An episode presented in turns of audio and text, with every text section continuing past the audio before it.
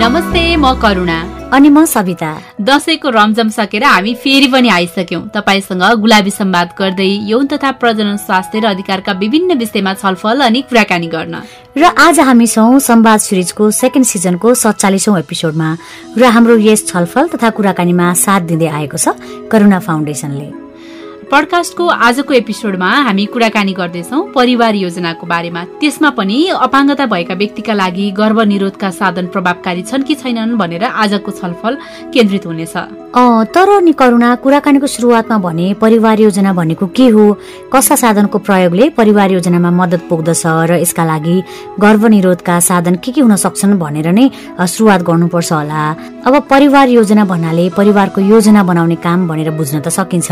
भन्नुको मतलब आफ्नो पारिवारिक जीवनलाई कसरी स्वस्थ बनाउने व्यवस्थित कसरी राख्ने कहिले बच्चा जन्माउने कतिवटा जन्माउने दुईवटा बच्चा बीचको जन्मान्तर चाहिँ कति राख्ने परिवार योजनामा कस्ता साधनको प्रयोग गर्ने लगायतका विभिन्न कुराको ठोस निर्णय लिनुलाई चाहिँ हामीले परिवार योजना भनेर बुझ्न सक्छौँ। यो त भयो परिवार योजना भनेको के हो भन्ने कुरा। यसरी अल्पकालीन तथा दीर्घकालीन सोच सहित परिवारको योजना बनाइरहँदा यस्तो योजनालाई सहज र प्रभावकारी बनाउन गर्भनिरोधका साधनको भूमिका प्रभावकारी हुन्छ। ती साधनको प्रयोगले अनिच्छित अर्थात् इच्छा नगरिएको गर्भ रहन दिँदैन जसले गर्दा आफूले चाहेको बेलामा बच्चाको योजना बनाउन सहयोग पुग्छ। त्यसो भए गर्भनिरोधकका साधन कति प्रकारका छन् र विधि के के छन् भनेर एकैछिन कुरा गरौँ। गर्भनिरोधका साधन स्थायी र अस्थायी गरी दुई प्रकारका हुन्छन्। स्थायी बन्ध्याकरणलाई गर्भनिरोधको स्थायी साधन अथवा तरिका मानिन्छ र महिलाले गर्ने स्थायी बन्ध्याकरणलाई मिनिल्या भनिन्छ भने पुरुषले गर्ने स्थायी बन्ध्याकरणलाई भ्यासेक्टोमी भनेर हामीले बुझ्न सक्छौँ र यो चाहिँ शल्यक्रियाको माध्यमबाट गर्न सकिन्छ।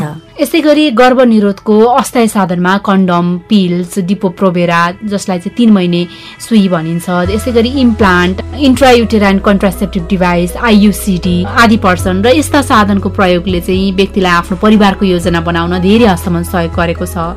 तर यसो भनिरहँदा चाहिँ यी साधनहरू अपाङ्गता मैत्री छन् कि छैनन् भन्ने कुरा पनि स्वाभाविक रूपले उठ्छ। हुन त नेपाल सरकारले अपाङ्गता मैत्री प्रजनन स्वास्थ्य तथा सुरक्षित मातृत्व सेवा सम्बन्धी निर्देशिका दुई हजार उनासी जारी गरिसकेको छ।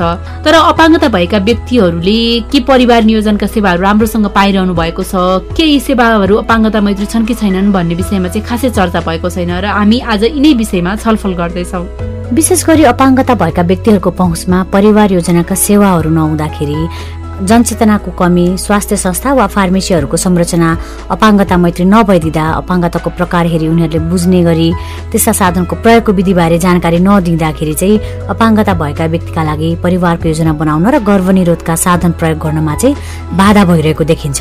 र अझ कतिपय अवस्थामा त झन् अपाङ्गता भएका व्यक्तिहरूको शिक्षा सशक्तिकरण र सामाजिकीकरणमा भएको कमीका कारण समाजमा गरिने भेदभाव तथा हेलाले पनि उनीहरूले त्यस्ता सामग्री प्रयोग गर्नुपर्छ भन्ने पनि थाहा पाइराखेका छैनन् र कतिपयले असहज मानिरहेका हुन्छन्। एक त अपाङ्गता भएको व्यक्तिमा यौन चाहना नै हुँदैन भन्ने गलत धारणा वा अपाङ्गता भएका व्यक्तिले बच्चा जन्माउन सक्दैन वा जन्माएर पनि के काम भन्ने जस्ता गलत बुझाइ र व्यवहारले गर्दा पनि गर्भनिरोधका साधनहरू लगायत परिवार योजना सेवाहरू चाहिँ अपाङ्गता भएका व्यक्तिहरूको पहुँचमा छैनन्। अपाङ्गता मैत्री भौतिक संरचना संचार सेवा त्यसमा पनि परिवार योजना र गर्भनिरोधको साधनहरू बारे जानकारी हुने हो भने अपाङ्गता हुनुभएका व्यक्तिको यङ जीवन स्वस्थ र व्यवस्थित मात्र हुँदैन। उहाँहरूलाई आफ्नो परिवार योजना बनाउन व्यवस्थित जीवन बिताउन पनि सहज हुन्छ। र यही विषयमा चाहिँ हामीले फ्यामिली प्लानिङ एसोसिएसनकी रानु राउतसँग पनि कुराकानी गरेका छौँ नि। किन चाहिँ अपाङ्गता मैत्री परिवार नियोजनको साधनको आवश्यकता छ? अपाङ्गता भएका व्यक्तिहरूले परिवार योजना कसरी बनाइराखेका छन्? लगायतका विषयमा हामीले कुराकानी गरेका छौँ। डब्लुएचओले पहिले भने छ कम्तीमा पनि विश्वको जनसङ्ख्या मध्ये पन्ध्र प्रतिशत चाहिँ डिसेबल हुनुहुन्छ।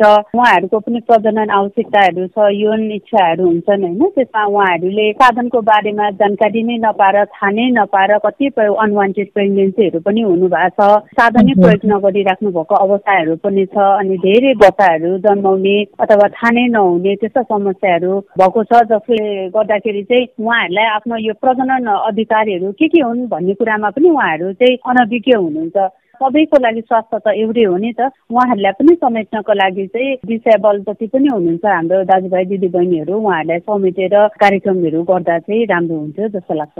हजुर। जस्तै अहिले जति पनि बजारमा उपलब्ध यो गर्भनिरोधक साधनहरू परिवार नियोजनका यी अस्थायी स्थायी साधनहरू जति पनि छन् यिनीहरू चाहिँ अपाङ्गता मैत्री भएको पाउनुहुन्छ कि पाउनुहुन्न? कस्ता कस्ता साधन चाहिँ अपाङ्गता मैत्री केही हदसम्म छ जस्तो लाग्छ? कस्ता चाहिँ छैनन् जस्तो लाग्छ हजुरलाई? हाम्रो सेन्टरमा आउँदाखेरि प्राय गरेर त्यस्तो अपाङ्गता मैत्री साधनहरू भन्दा नि उहाँहरूलाई चाहिएको साधन त हामीले उपलब्ध गराउँछौँ होइन? तर पनि उहाँहरूको फर्स्ट प्रिफरेन्स भनेको चाहिँ मेलहरू आउनुभयो भने प्राय कन्डमै लानुहुन्छ।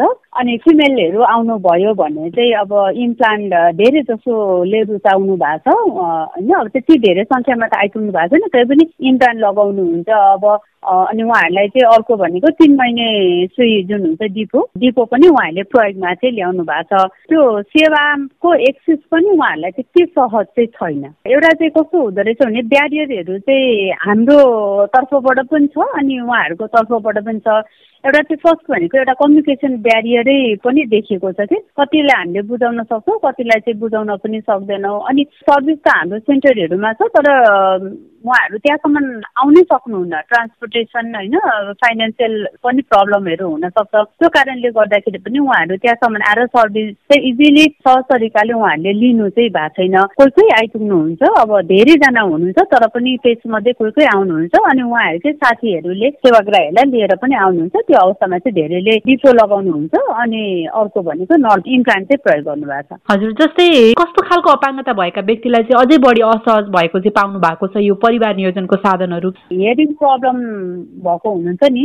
हाम्रो डिसेबलहरू उहाँहरूलाई चाहिँ लेखेर चाहिँ देखाउने गरिन्छ।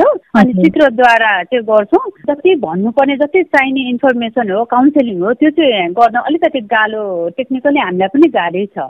अन्य देशतिर अथवा नेपालमै पनि परिवार नियोजनका साधनहरू चाहिँ अपाङ्ग मैत्री बनाउनको लागि कस्ता खालका अभ्यासहरू भइराखेका छन्? त्यस्ता अभ्यासहरू कतिको प्रभावकारी भएको पाउनु भएको छ? जति पनि पिपुलहरू हुनुहुन्छ डिसेबल हुनुभएका उहाँहरूको स्टडी पनि त्यति धेरै पाए छैन अनि कतिपय सेन्टरहरूमा हेल्थ फेसिलिटीहरूमा उहाँहरू जान नसकेको अवस्था पनि छ होइन? अब जुन जुन ठाउँमा जानुहुन्छ अब इन्टरनेसनल लेभलमा हेर्ने भने पनि धेरै जसो चाहिँ इम्प्लान्टै प्रयोग गर्ने सङ्गिनी प्रयोग गर्ने अनि मेलहरू हुनुहुन्छ भने कन्डम प्रिफरेन्स दिने त्यस्तो खाले सेवाहरू चाहिँ त्यो आइसिडीमा चाहिँ अझै पनि जसलाई चाहिँ अब भनौँ न ह्यान्डिक्यापहरू भएको हुनुहुन्छ उहाँहरूलाई चाहिँ आइसिडीहरू राख्न असहज त्यस्तो अवस्था चाहिँ छ भनेर उहाँहरूले भन्नुहुन्छ। नेपालमै पनि भन्नुहुन्छ हाम्रै सेन्टर सेन्टरमा आउँदा पनि। हजुर। जस्तै अब कस्ता खालका परिवार नियोजनका साधनहरू भए अथवा सिकाउने विधिहरू भयो भने चाहिँ अपाङ्गता मैत्री हुन सक्छ जस्तो लाग्छ।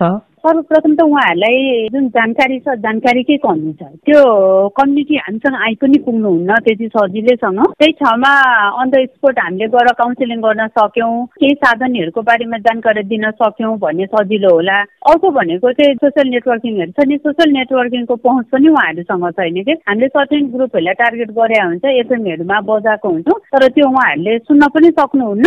अनि उहाँ एक्सेस पनि नभएको कारणले गर्दाखेरि उहाँहरू आउनुहुन्न। अब हामीले चाहिँ त्यो ग्रुप अब जो उहाँहरूको सङ्घ संस्थाहरू छ होइन धरानमा पनि अब नेत्र ज्योति स्कुल भनेर राखेका छ त्यहाँनिर हामीले कहिलेकाहीँ फ्राइडे क्लासहरू पनि सञ्चालन गर्छौँ। त्यस्तो ठाउँहरूमा गएर चाहिँ हामीले जानकारी दिने अथवा जुन हाम्रो यो सिम्बोलिकहरू हुन्छ नि त्यसको ट्रान्सलेटरहरू कोही हुइदिनु भयो उहाँहरूलाई चाहिँ हामीले ट्रेन गर्न सक्छौँ भने उहाँहरू मार्फत पनि यो प्लानिङका साधनहरू उहाँहरूलाई पनि त्यत्तिकै आवश्यकता छ भन्ने जानकारी दिन सक्यो भने चाहिँ सहज चाहिँ होला? अपाङ्गता भएका व्यक्तिका लागि परिवार योजनामा गर्भनिरोधका साधनको सहज पहुँच किन आवश्यक छ? कसरी त्यो आवश्यकता पूरा गर्न सकिन्छ? भन्ने बारेमा हामीसँग कुराकानी गरिदिनु भएकोमा फ्यामिली प्लानिङ एसोसिएसनमा कार्यरत रानु रावतलाई धेरै धेरै धन्यवाद। यो कुराकानीसँगै भने विदा माग्ने बेला भइसकेको छ। आजको छलफल तपाईँलाई कस्तो लाग्यो? आफ्नो कुरा हामीलाई सेयर गर्न नबिर्सिनुहोला हाम्रो इमेल ठेगानामा। हाम्रो इमेल छ Gulabi Samvad at Gmail dot com त्यो बाहेक चाहिँ हाम्रा विभिन्न सामाजिक सञ्जालमा गएर पनि तपाईँले हामीलाई आफ्नो कुराहरू सेयर गर्न हामीसँग कनेक्ट हुन सक्नुहुनेछ। त्यसै गरी यौन तथा प्रजन स्वास्थ्य र अधिकारसँग सम्बन्धित विभिन्न भोगाहरू पढ्न र हाम्रो पडकास्ट सुन्नको लागि तपाईँले हाम्रो website W dot Gulabi Samvad dot com search गर्न सक्नुहुन्छ। त्यस्तै हाम्रा विभिन्न सामाजिक सञ्जाल मार्फत पनि पनि हामीसँग कनेक्ट हुन सक्नुहुन्छ। त्यसबाहेक तपाईँले हामीलाई पडकास्टर भन्ने एपमा गएर Gulabi Samvad teen talk search गरेर सुन्न सक्नुहुनेछ भने हाम्रो पात्रो एपमा गएर गुलाबी सम्वाद सर्च गरेर पनि हामीलाई सुन्न सक्नुहुनेछ। त्यसबाहेक देशभरिका विभिन्न अडचालिसवटा रेडियो स्टेशनबाट पनि पडकास्ट गुलाबी सम्वाद प्रसारण भइराखेको छ। सुन्न र प्रतिक्रिया पठाउन नबिर्सिनु होला भन्दै आजको लागि भने पडकास्ट सिरिज गुलाबी सम्वादको सेकेन्ड सिजनको सडचालिसौँ एपिसोडबाट सविता र करुणा बिदा हुन्छौ। नमस्ते। By by